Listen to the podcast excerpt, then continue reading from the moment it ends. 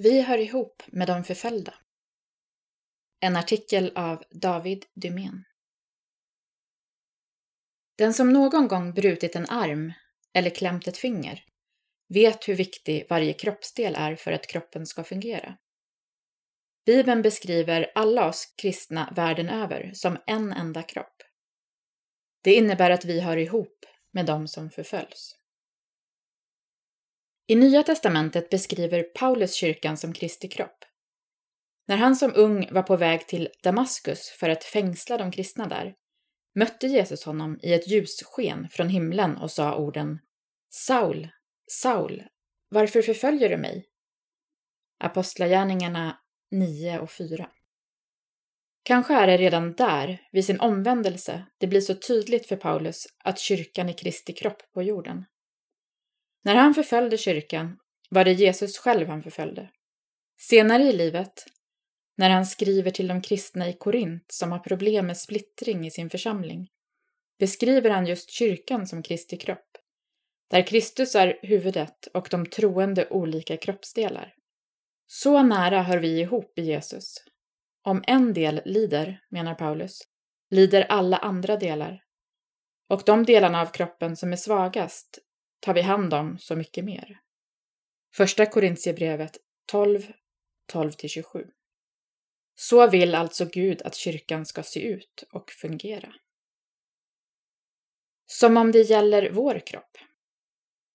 I Korintierbreven skriver Paulus till en lokal församling, men det han beskriver är kyrkans väsen, den hon är, över hela jorden i alla tider.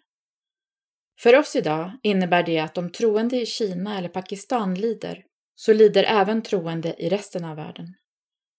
I linje med Paulus tanke uppmanar Hebreerbrevets författare Tänk på dem som sitter i fängelse, som om ni var deras medfångar, och på dem som blir misshandlade som om det gällde er egen kropp.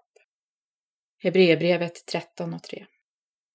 När Kristi kyrka världen över lider, så lider också vi. Deras lidande är vårt lidande. Ja, det är till och med en delaktighet i Jesu lidande. Filipperbrevet 3 och 11.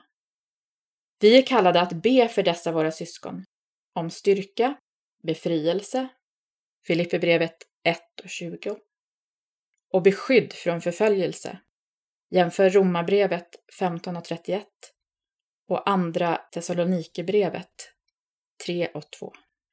Men vi är också kallade att be för dem som förföljer dem. Matteus evangeliet 5 och 44. Att dö för sin tro. De som dör för sin tro kallas martyrer.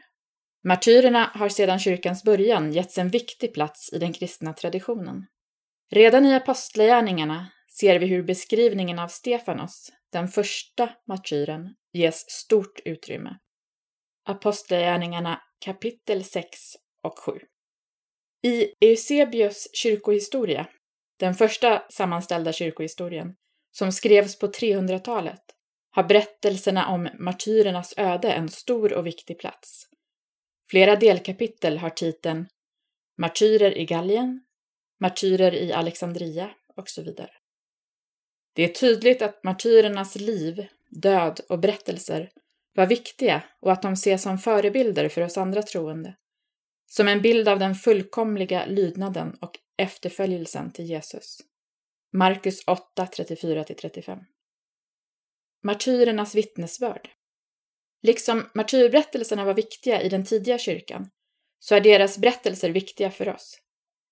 Jämte dessa historiska berättelser behöver vi läsa om nutida, för att tala Eusebius språk, martyrer i Kina, martyrer i Mellanöstern och så vidare.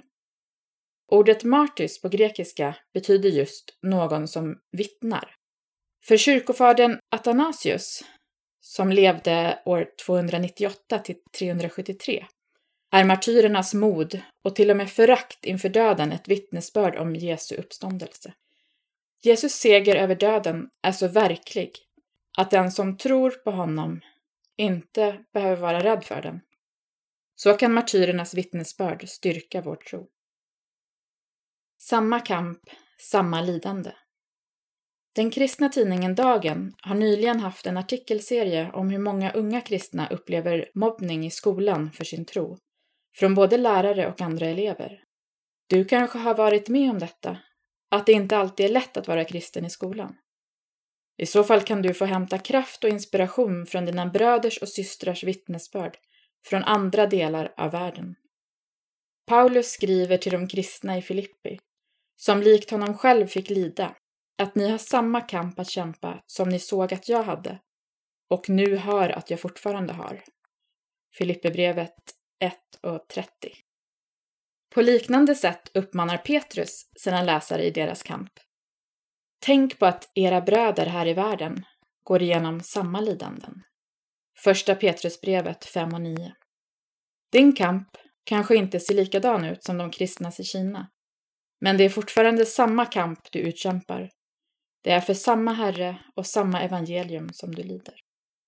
Även om detta för oss idag inte innebär att vi behöver sätta livet till, så kan även vi få vara martyrer, vittnen om Kristus.